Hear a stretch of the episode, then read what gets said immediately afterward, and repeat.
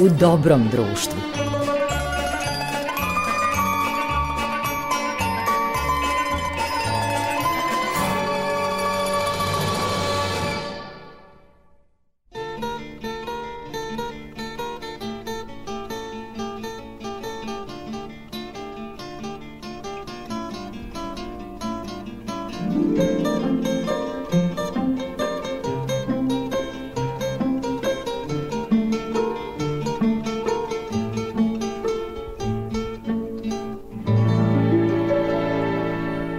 Slušalci, vi ste na talasima prvog programa radija Radio Televizije Vojvodine i slušate emisiju U dobrom društvu.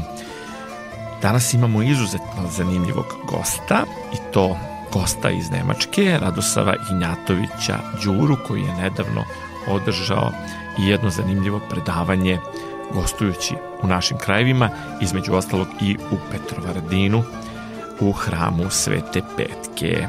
Tom prilikom zabeležili smo ovaj razgovor.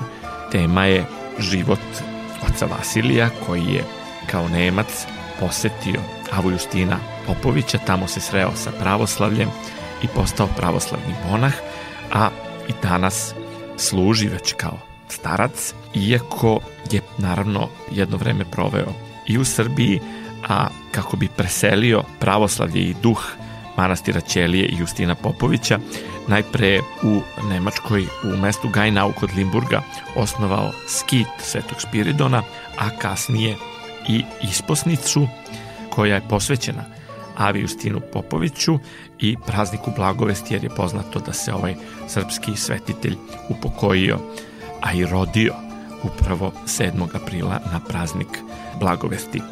Radoslav Ignjatović Đura pomoćnik je u isposnici Svetog Ave Justina, isposnici Blagovesti u srcu Nemačke i donosi nam jednu zanimljivu priču. Slušajte i uživajte.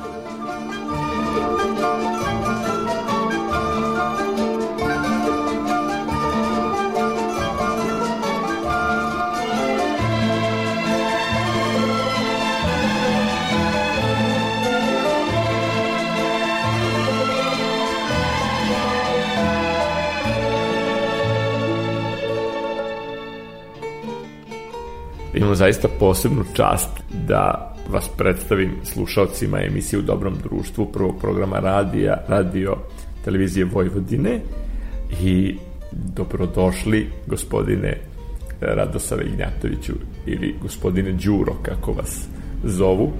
Eto, nešto u uvodu sam rekao već o vama, ali bilo bi dobro da vas još malo predstavim pre nego što počnemo zanimljivu priču o jednoj, da tako kažem, pravoslavnoj monaškoj porodici, daleko od Srbije, u stvari o jednom srpskom manastiru, koji je manastir Srpske pravoslavne crkve, ali u njemu trenutno nema sticam okolnosti monaha Srba. Šta treba još da znamo o vama, gospodine Ignjatović?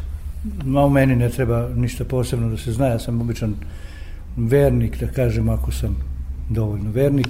I po milosti Božijoj sam se obreo u društvu ovih velikih ljudi. E, radi se dakle o jednom e, švajcarcu po rođenju, jednom nemcu po rođenju koji su monasi svetogorskog tipika, schi arhimandriti, znači arhimandriti, monasi u velikoj schimi.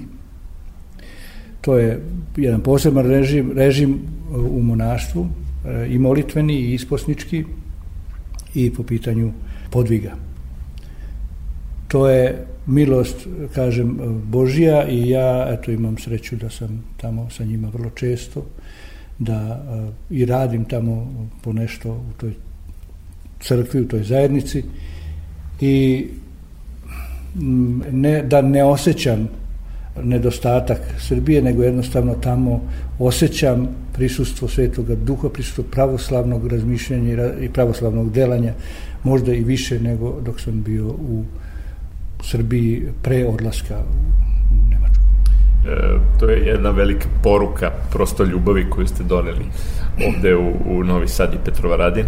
A e, centralna figura je u stvari, kao što ste rekli, švajcarac, starac Vasilije, koji je nekako spona i savremenik jedno vreme kao mlad bio i Jave Justina.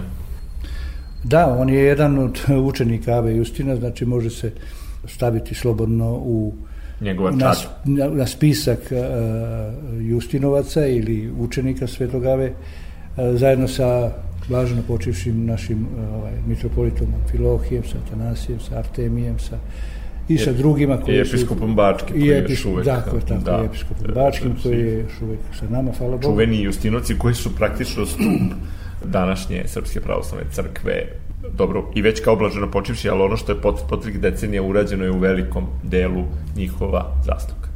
Da. Da, da, može se reći da, stup, stup u smislu da, da uh, opstaju i čuvaju se i drže se uz veliki trud. Vi, verovatno i vi znate koliko đavo troši energije da pokvari ono što, što uh, pravoslavlje nosi kao poruku. Neprestano. Neprestano, tako je. Ovi ljudi a, o kojima evo večeras razgovaramo su a, oličenje a, jedne strašne strašne ljubavi prema Bogu. Ljubavi strašne u tom smislu da je teško može običan čovjek i zamisliti. Toliku revnost i toliku strogost prema sebi pokazuju da jednostavno podsjećaju na, na, na prve hrišćane, na apostole, na one koji su, koji su sa Hristom boravili na zemlji.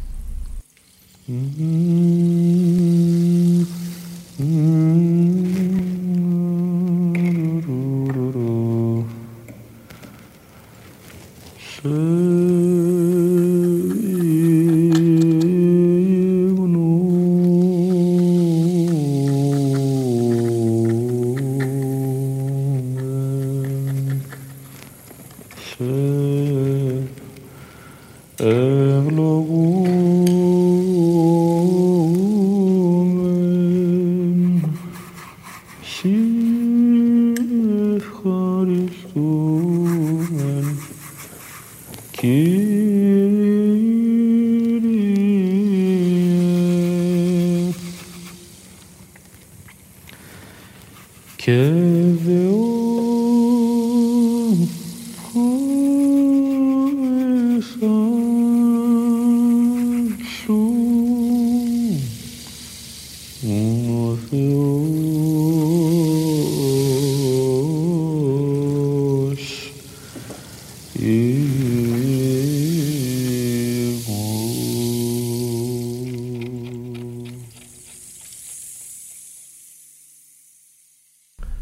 životni put oca Vasilija je odredio da se on veže baš za pravoslavlje preko Srbije, preko Ave Justina i da u stvari osnuje jedan manastir koji je sagrađen kao kopija čuvenog manastira Gradac koji je bio zadužbina Jelene Anžujske, nešto je možda veći gabarita, ali eto u, u srcu Nemačke jedna pravoslavna svetinja Srpske crkve cveta očekujući da ju se priključi i neki pravoslavni monah Srbin, ali pokazuje da je najvažnije to što smo pravoslavni. Da, da, to je možda možda i najveća poruka cele ove priče večerašnje i, i naše sadašnje i ovo što smo pričali, e, da pravoslavlje e, nije vezano ni za jednu naciju i u evanđelju ostalo čuli smo i apostola Pavla gde kaže nema više ni jelina ni jevreja nego ima onih koji su s Hristom. Hristos je sve to poravnio, blagoslovio i rekao, vi ste sinovi carstva Božje, vi ste sinovi oca mojega, ako kroz mene ulazite u carstvo nebesko. E, oni tumače evanđelje iskonsko. E, nema nekakvih novotarja raznih učenja, nekih prilagođavanja vremenu, jer pravoslavlje je toliko univerzalno, toliko večito, toliko savršeno, pravoslavna vera, vera u Hrista koja se ispoveda pravoslavno, toliko je savršena da tu nema šta ni da se oduzima ni da dodaje. Pravoslavlje traži da se veruje, Hristu da se veruje i ništa drugo. Dakle, ovi ljudi zaista tome podučavaju i to kao misionari, što je najvažnije, podučavaju one ljude koji nisu pravoslavni. Tako da Srbi E, Rusi, Grci e, dolaze, osjećaju zaista da je tu izvor, da je toplina, dolaze, ispovedaju se njima, uzimaju za, za svoje duhovne oce, mole ih da to oni prihvate.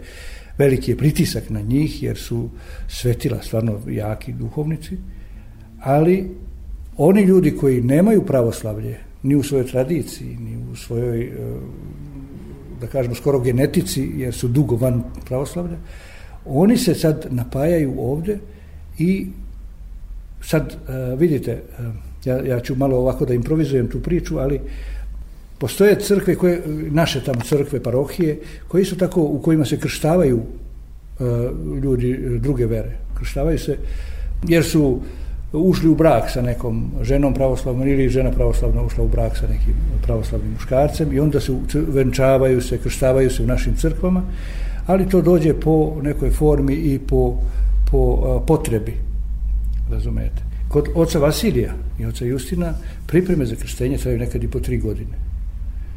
To je u pravom smislu, dakle, oglašavanje, prilazak crkvi prolazi čita pro, ceo proces, proces, tako je, i da se nauče i šta je ispovest i šta I mnogo je... liturgija samo do da, mesta e, oglašeni iziđite. Tako je, tako je. Eto, to je jedna od, od, od tih važnih stvari zbog kojih su oni tamo opet kažem Božijim promislom postavljeni, jer ni Srbi, ni Rusi, ni Grci iako su tamo mnogo prisutni, mi imamo, mi imamo tamo 40 parohija, ne mogu da vrše takvu misiju kakvu vrše oni kao Nemci. Znate. Da, samo još jednom da podsjetimo slušaoce na tačnu lokaciju ukoliko se nekome pruži prilika da pohodi ovu svetinju. Skit koji je prvo osnovan pre 30 godina, gde se nalazi starac uglavnom, To je mali manastir, skit posvećen Svetom Spiridonu. Da, nije kao na Svetoj gori da skitovi. Nije, nije, oni nisu metok, nego skit. A, skit. Da, oni su samostalni. Svetom Spiridonu. Svetom Spiridonu, tako, velikom čudotvorcu, Timotivskom. I e, tamo je otac Vasilije, starac je tamo uglavnom. I taj se nalazi u mestu Gajlnau, to je kod Limburga.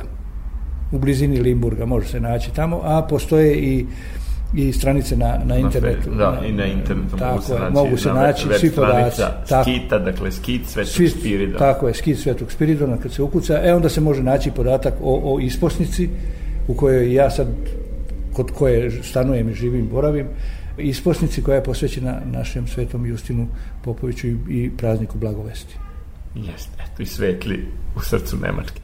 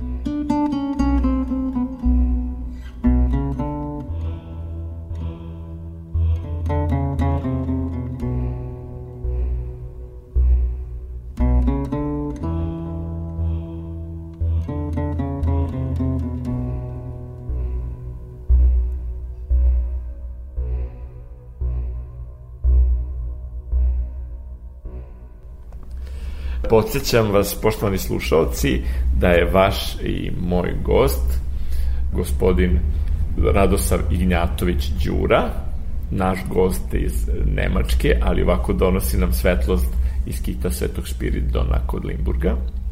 I zanimljivo je da ne propustimo jednu priču, da se na čudotvoran način pojavio jedan izvor, da je Bog i na taj način oglasio da će na ovom mestu u skitu Svetog Spiridona verujući moći da se napajaju vodom živom. Da, to je interesantno. Pri gradnji crkve, e, posle ispitivanja terena, ustanovljeno je da nema na tom mestu nema podzemnih voda i da nema opasnosti za, za gradnju. E, kad se otkopala zemlja i pripremila za temelj, pojavio se u jednom uglu, suprotno od oltara, izvor Na tom imanju postoji jedan jak izvor, što je isto interesantno kao priča i to možemo ovaj, dodati uz ovo, ali eto, tu se pojavio izvor i taj izvor je tačno na mestu gde je planirana krstionica u crkvi sa te strane i ta živa voda, taj izvor praktično ide u krstionicu, iz krstionice preliva ide dalje u jedan potok pored crkve. A Reč je o vrlo zdravoj vodi. Reč je o vodi koja je jedna od 5-6 najzdravijih voda u Nemačkoj za piće i oni u skitu koriste tu vodu za piće, ne, ne uzimaju, ne kupuju flaširanu vodu i šta ja znam, nego sipaju na tom izvoru. Trojica monaha koji su sada e, bratija, na prvom mestu otac Vasilije, starac koji je i osnivač ovog skita, ali tu su i jedan Nemac i jedan Ukrajinac. Da, da. Da kažemo nešto i o njima. Pa, ne, nešto, oni su, oni su uh, žive cigle, te građevine, e, te crkve Hristove. Se vrlo lepo, kako da kažem, uklopili i, i pošli tim putem. E, otac Justin, koji je isto arhimandrit, e, je Nemac, sabrat, od početka sabrat ocu Vasiliju u Nemačku. On je stariji 50 možda jednu, dve godine ima i on je nastojatelj hrama, nastojatelj isposnice posvećene Svetom Justinu Popoviću i nosi njegovo ime on je otac Justin, arhimandrit Justin. Izuzetno edukovani ljudi, e, oni su, e, e, otac Vasilije je završio bogosloviju, pa filozofski fakultet, ima dosta radova svojih, otac Justin je završio fiziku ili radi na prevodima bogoslužbenih knjiga, prevodi sve bogoslužbene knjige koje može da, da, da stigne da prevede dan i noć radi na nemački. Tako da a, se može kompletno a, godišnji ciklus bogosluženja da može da se vrši na nemačkom jeziku bez nekih teškoća. Zašto?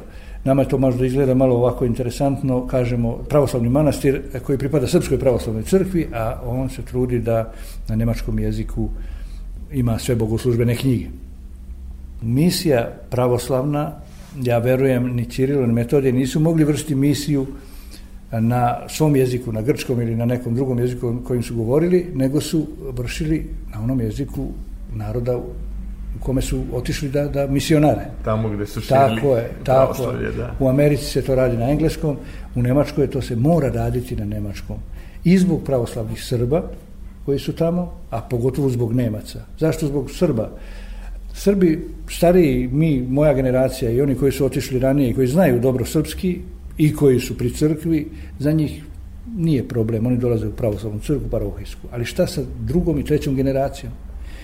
Srpska deca, danas, koja su tamo rođena, i sanjaju i razmišljaju na nemačkom.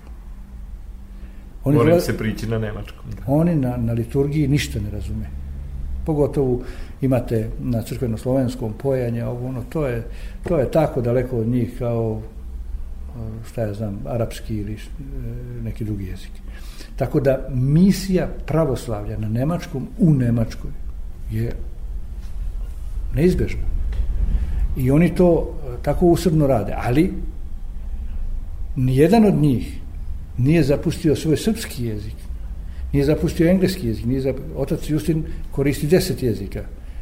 Na deset jezika ispoveda ljudi otac Vasilije koristi pet jezika i na pet jezika ljudi se ispovedaju kod njega. I sad vi možete da zamislite da sedi ispred vas čovek i njemu se u toku dana recimo javi deset ljudi za ispovest i ispovest traje od pola sata do dva i po sata. Znači, dokle god čovek koji je došao da se ispovedi ima da priča i da se prazni, oni ga slušaju. i slušaju ga na jeziku na kom je najlakše onome ko se ispoveda. Ne na kome je najlakše njima. I daju pouku. I svi izlaze obično sa suzama. A otac Vasilij je inače poliglota i on se uvek na mnogo jezika on ispoveda, je tako? Da, da, da. On se, da, i liturgija, ja sam i tamo pomenuo, pa vi ste, liturgija se nekad služi na 5, 6, 7 jezika, recimo, u toku, u toku cele liturgije, naizmenično od dela do dela liturgije tako se svakome približava, jer je razumevanje liturgije mnogo važno zbog praćenja, da, da, da čoveku ništa ne bi bilo predugo, onda proleti za trenutak. Pa eto, ja sam prvi put, recimo, kad sam, kad sam se sreo sa ocem Vasilijem pre 20 nešto godina, kad sam otišao tamo, počeli su službu na nemačkom i meni je već bilo malo kako ću ja ovo pratiti, znate. A onda odjednom jektenija na srpskom i, i meni krenu suze. Jedan švajcarac i nemac, oni, oni pevaju, poju crkvenom na slovenskom tropare i a, govore jektenije na srpskom i sve. To je, to je doživljaj koji mora da se, da se doživi, jednostavno bi se vidjelo. Jedna nebeska liturgija koja zaista tako zvuči kad bi ne, ne osjećate razliku. Ako neko zna liturgiju i kako ide i, i koji su i šta dolazi i, iza čega on više i ne sluša niti osjeti razliku između jezika, razumete? Samo ga ponese. Ne primetite da su oni na, na pet jezika a, a celu liturgiju a, pojali i, i, i ovaj, govorili. S obzirom da sam bio mnogo puta u svim svetogorskim manastirima i bio sam mnogo puta za Vaskrs kad se čita i evanđelje na nekoliko jezika da bi se prenela poruka o Vaskresenju Hristovom svim narodima, onda mogu e, da tačno osetim o čemu govorite, s obzirom da sam bio i u rumunskom skitu i naravno u ruskom manastiru, u bugarskom i veoma mnogo stranaca pohodi Svetu Goru, mnogi su pristupili pravoslavlju, ja mislim najviše Nemci i Austrijanci. Mm, mm. I nevjerojatno to kada se spoji ta disciplina tih naroda, germanska disciplina sa pravoslavnom ljubavlju i metkoćom da se dobija, čini mi se, jedan jako kvalitetan pristup pravoslavlju. Mnogo ozbiljniji pristup pravoslavlju nego što to recimo mi radimo. Kao malo mi, Sloveni, da. pa mi računamo da smo povlašteni. Razumete, jer smo da. mi kao pravoslavan narod, da kažem, onda računamo sebe povlaštenim u smislu da smo, eto, to je to, gotovo, pravoslavni smo, nema tu više šta da se dodaje, znate. A oni to mnogo ozbiljnije shvataju i ono što se kaže, to se izvršava u potpunosti, znate. A to što ste pomenuli evanđelja, da, oni nedeljom obavezno na četiri jezika čitaju evanđelja, odnosno vidi onaj ko služi, Eh, on pogleda po crkvi, vidi ko, su tu, ko je prisutan i ako vidi jednog Grka, on čita evanđelje na grčkom. Ako vidi jednog Rusa ili jednog Srbina, Srb, srpsko evanđelje se čita u svakom slučaju, pošto je to srpski manastir. I, znači, tu, tu je Nedavno sam pitao jednog pravoslavnog čovjeka koji je ušao u pravoslavlje iz drugog naroda, nije južni Sloven, i ja sam pitao šta vi nama Srbima, šta vi nama Srbima zamerate, Pa on je rekao, zato što ne radite dovoljno na sebi, mislite dovoljno je to što ste Srbi. da, da, da, upravo to, da, upravo to, to, to sam ja htio da vam kažem. E, upravo ovo što ste rekli, da prosto se podudara sa time.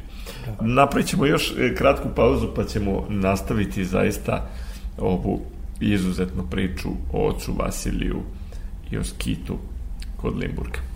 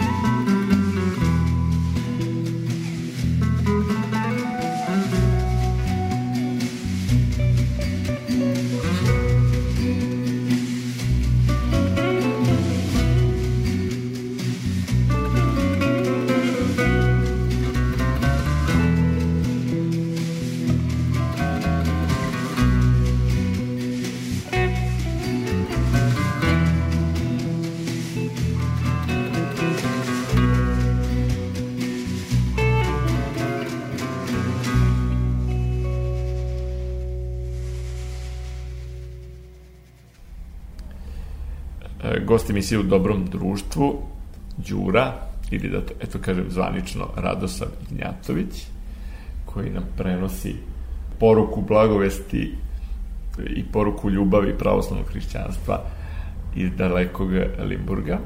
Kažite mi uopšte, gospodine Đuro, da napravimo jednu priču samo o tom početku prilaženju monaškom obrazu od strane oca Vasilija. Jer znate kako se zvao u civilstvu, u, da tako kažem, kao Mirjanin?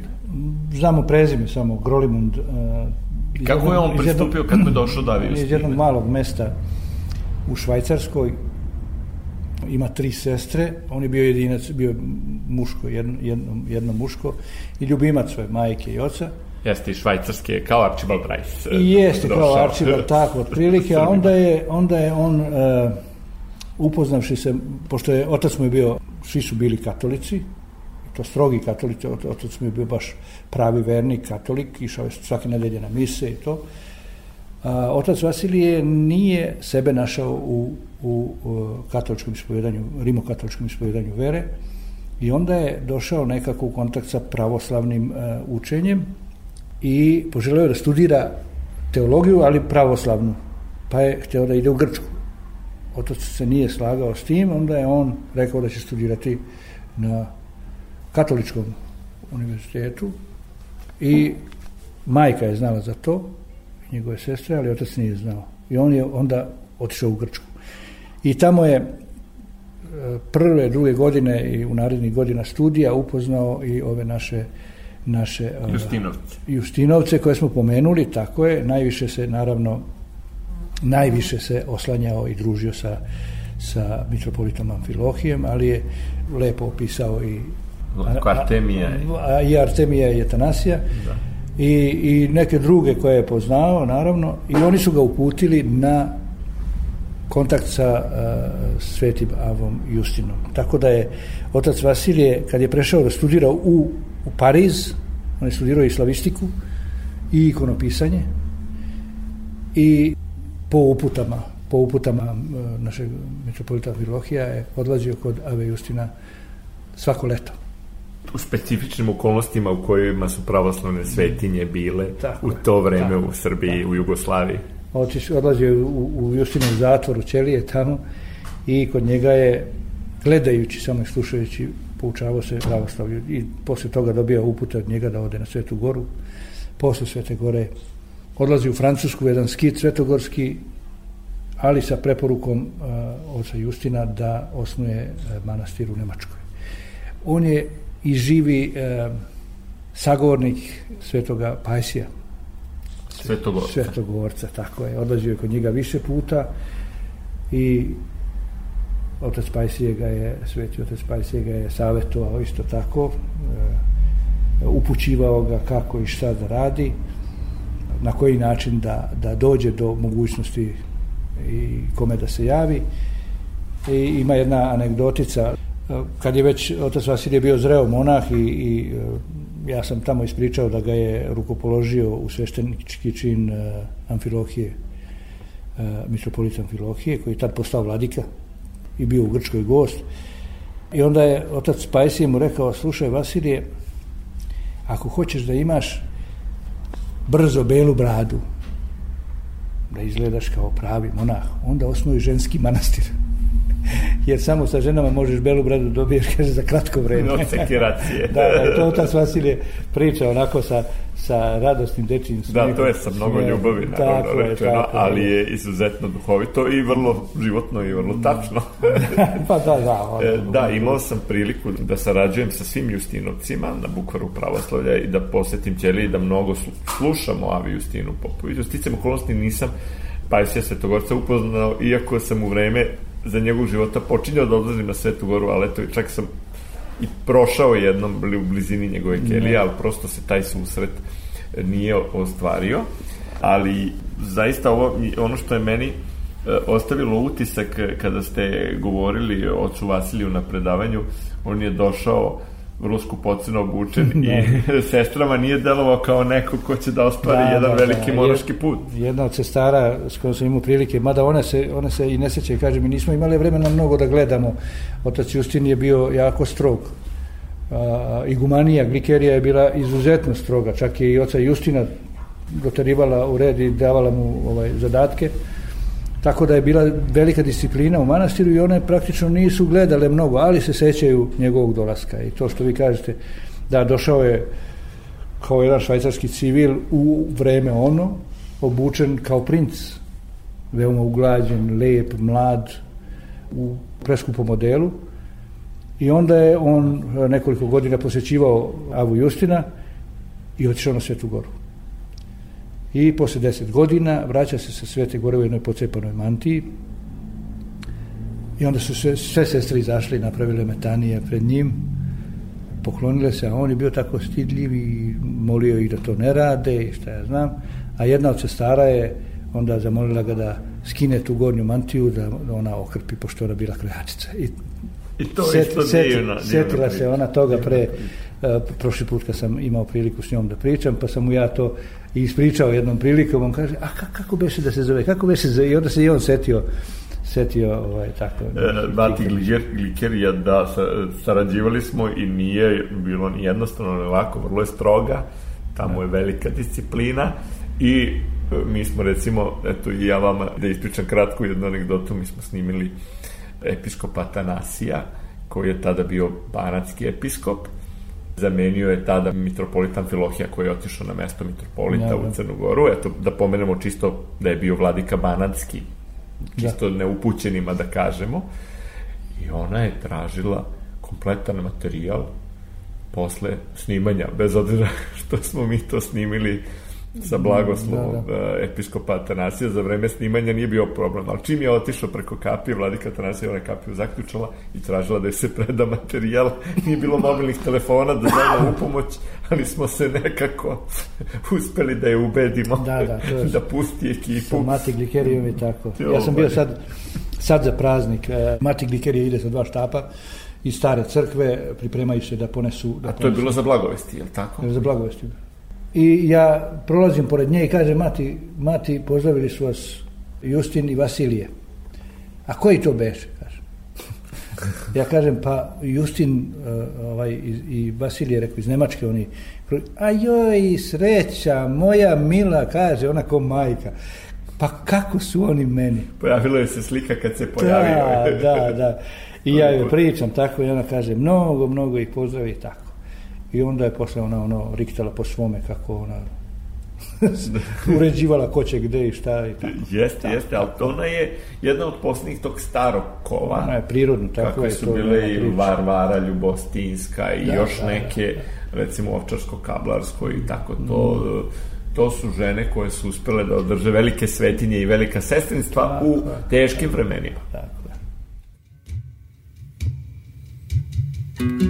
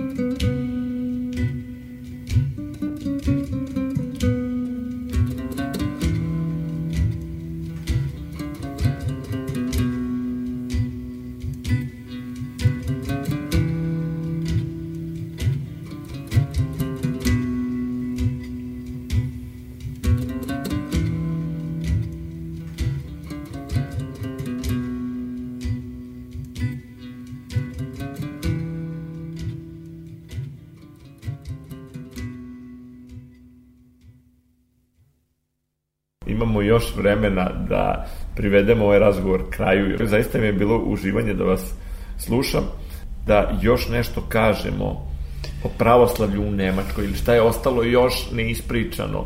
Ja mislim da je dovoljno i ovo bilo primamljivo da, da ljudi ne požele se, da odu. Ne može se ispričati ovaj, sve uh, nikad naravno treba nekako usmeriti teme ovamo ili onamo da bi ušli u, u, u trag ili u kolosek onome što je bitno da se u ovom momentu kaže. Mi možemo pričati uh, bezbroj priča o, o ocu Vasiliju, ocu Justinu, ali... A mnoga čuda se je, tamo to, dešavaju, to je zanimljivo. Pa jeste, samo je svaki dan čudo. ja sam u Isposnici ovamo, blizu, dva kilometra odatle stanujem.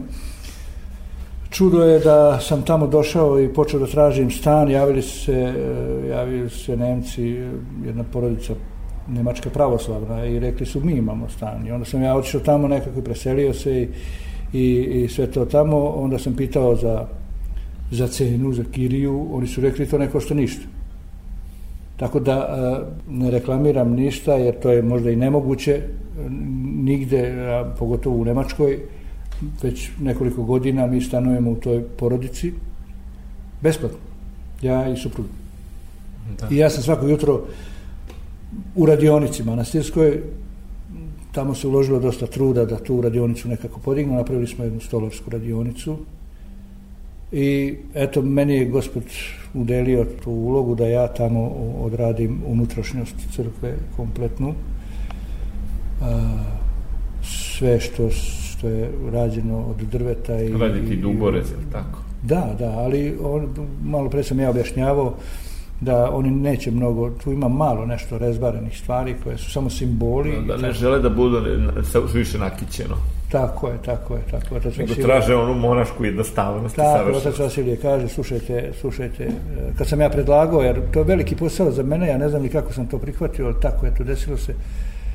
I onda sam ja predlagao njemu da oni uzmu, ima to gotovo da se uzme i šta je navraćao malo oca Vasilije. Međutim, on kaže, slušajte, da vam kažem, sluga ne može da bude bolje odeven od, od svog gospodara. Ne može ikonostas da bude šareniji od ikona. Ikonostas mora da bude Sve. uredan, ali jednostavan da se vidi ikona. I tako je urađeno, urađen je predivan, predivan ikonostas, kompletna crkva je urađena od masivnog drveta koje je dovezeno iz Srbije.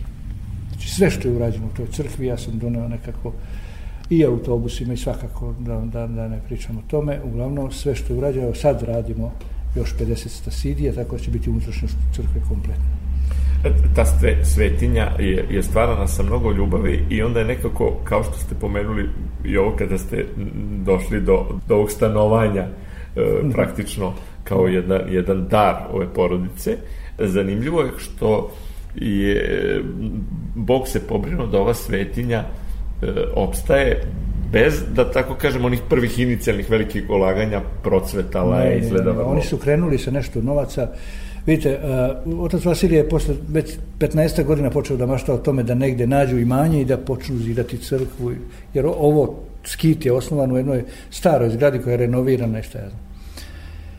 I onda je otac Justin pratio na internetu ponudu takvih imanja i nađe jedno imanje na kraju nekog sela kao naš Kosma i Šumadija tamo nema selo malo, veoma malo selo, 30 kuća i na kraju sela jedno imanje koje ima neku zgradu, neki kompleks, neki restoran je bio tu. I onda je dve i po godine pratio njihova ušteđevina i prilozi su rasli, a cena je padala. I kad su se sreli, oni su odmah skočili i kupili to imanje. Za sve para što imaju. Razumete, to je interesantno. Znači, ušli su sa kompletnim ulogom. I kupili imanje za crkvu, više para nemaju. I onda su došli na to imanje.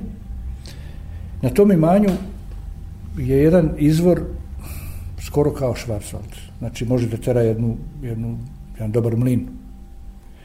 Vode za piće. Izvor vode za piće. Koji smo pominjali, da. Da, ali ne, to je, to je jedan, drugi, jedan aha, jak izvor, jak, a ovamo se aha. pojavio drugi izvor. A pojavio se ovaj da. u sam hram, da. Znači, uh, blagodat da, da ne mogu da vam objasnim koja je. I tu su neka dva ribnjaka koja nisu u upotrebe, ali su pripremljeni šta ja znam. I oni su to kupili. I posle toga je jednostavno gospod se starao o svemu i Ava Justin, znate. Stalno su se novi putevi Tako je, oni su krenuli, otvarali da se podrži ova svet. Oni razmišljaju, oni razmišljaju nemački, švajcarski, razumete, i onda su kad se trebalo krenuti s tim, nešto su para skupili i trebalo je da se krene sa zemljanim radovima. Praktični su i mudri. Da, i oni su već, da, i onda su tražili ponude. Da. Sad ja nisam znao, nisam ni znao da su oni već objavili da traže ponudu, ali iz nekog razloga me, ja treba da odem, seo sam neki stari auto i otišao kod oca Justina na to mesto gde crkva da se pravi. Ne, nepozvan, bez ičega.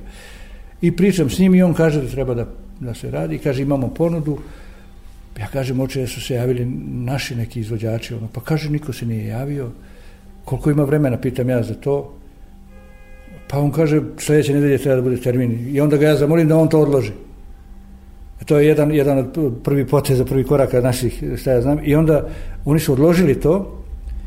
Ja sam umeđu vremenu našao naše ljude koji tamo rade te poslove i svukli smo cenu prvih tih zemljanih radova na pola, znate, od 300.000 na 150.000 recimo, evra.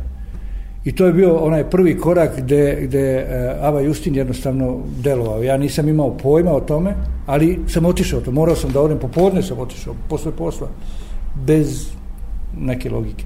I tako je to počelo. Posle toga su urađeni konaci neki i onda je krenula crkva.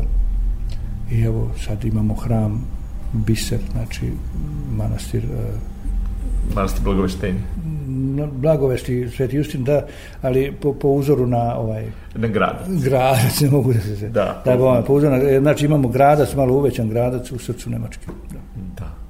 Sa doline Ibra u srce Prenet, da bome, da bome, predivno, predivno, da.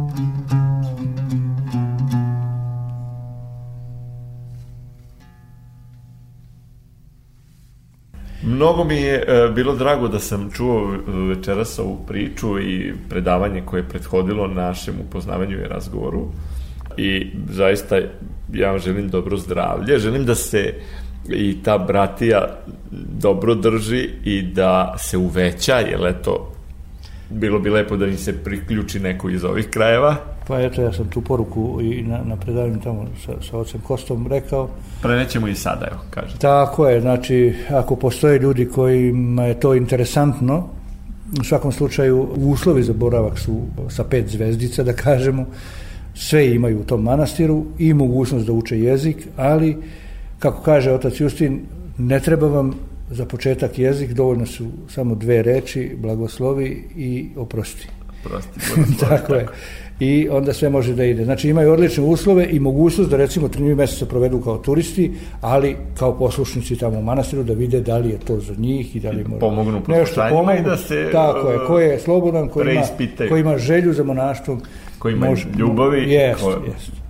može da preispita tu odluku na jednom pravom tako, izvorištu. Tako. Uh, uz, uz izuzetne duhovnike, dakle uz izuzetne monahe, gde je prava škola, svetogorska škola i još u punoj meri poštovanje Justinovog prilaza pravoslavlju. Da, duh pravoslavlja, duh, duh, pravoslavlja, duh srpskih svetinja i duh meri, svetogorski, ali eto, u Nemačkoj hvala mnogo za, za ovaj Bogu, razgovor hvala i nadam se da ćemo se i tamo sresti pa da zabeležimo Bogu, da. uh, i jednu televizijsku reportažu. Bilo bi dobro dok je otac Vasilije još u, u snazi, da kažemo u snazi, on je u, u izuzetno teškom zdravstvenom stanju, ali neprekidno služi. Da, rekli ste da je povijen i da, da, da dosta teško da, hoda. Ne može da se uspravi teško hoda, ali duh je još tako sveži, frišak da je to, bilo bi, bilo bi zaista ovaj, veliko bogatstvo za, za svaku, svaku medijsku kuću, da ne kažem za ovako pravoslavnu jednu misiju kao, koju vi radite, da zabeležite i, i pojavu i priču i, da. i sve ono što ga okružuje. Moje je da predložim, a nadam se da će molitve Ave Justina naravno, otvoriti naravno, taj put. Naravno. Hvala najlepše i u zdravlju da se vidimo na mnogo godina. Bogu hvala i vama svako dobro.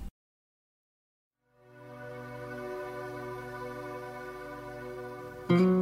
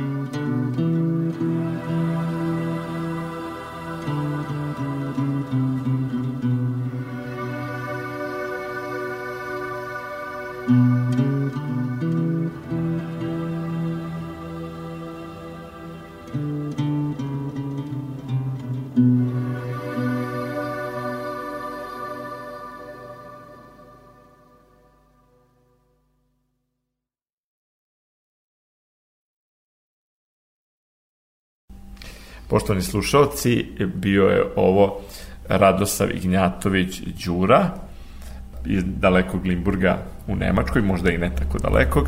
Doneli smo duh jedne pravoslavne svetinje u Nemačkoj. Ovu emisiju možete poslušati ponovo u repriznom terminu, a takođe i na našem sajtu rtv.rs pod opcijom odloženo slušanje. Sa vama je i ovoga puta bila Marica Jung koja tonski obličava ovu emisiju i vaš domaćin, urednik emisije Goran Vukčević. Prijatno do slušanja, ostanite u dobrom društvu.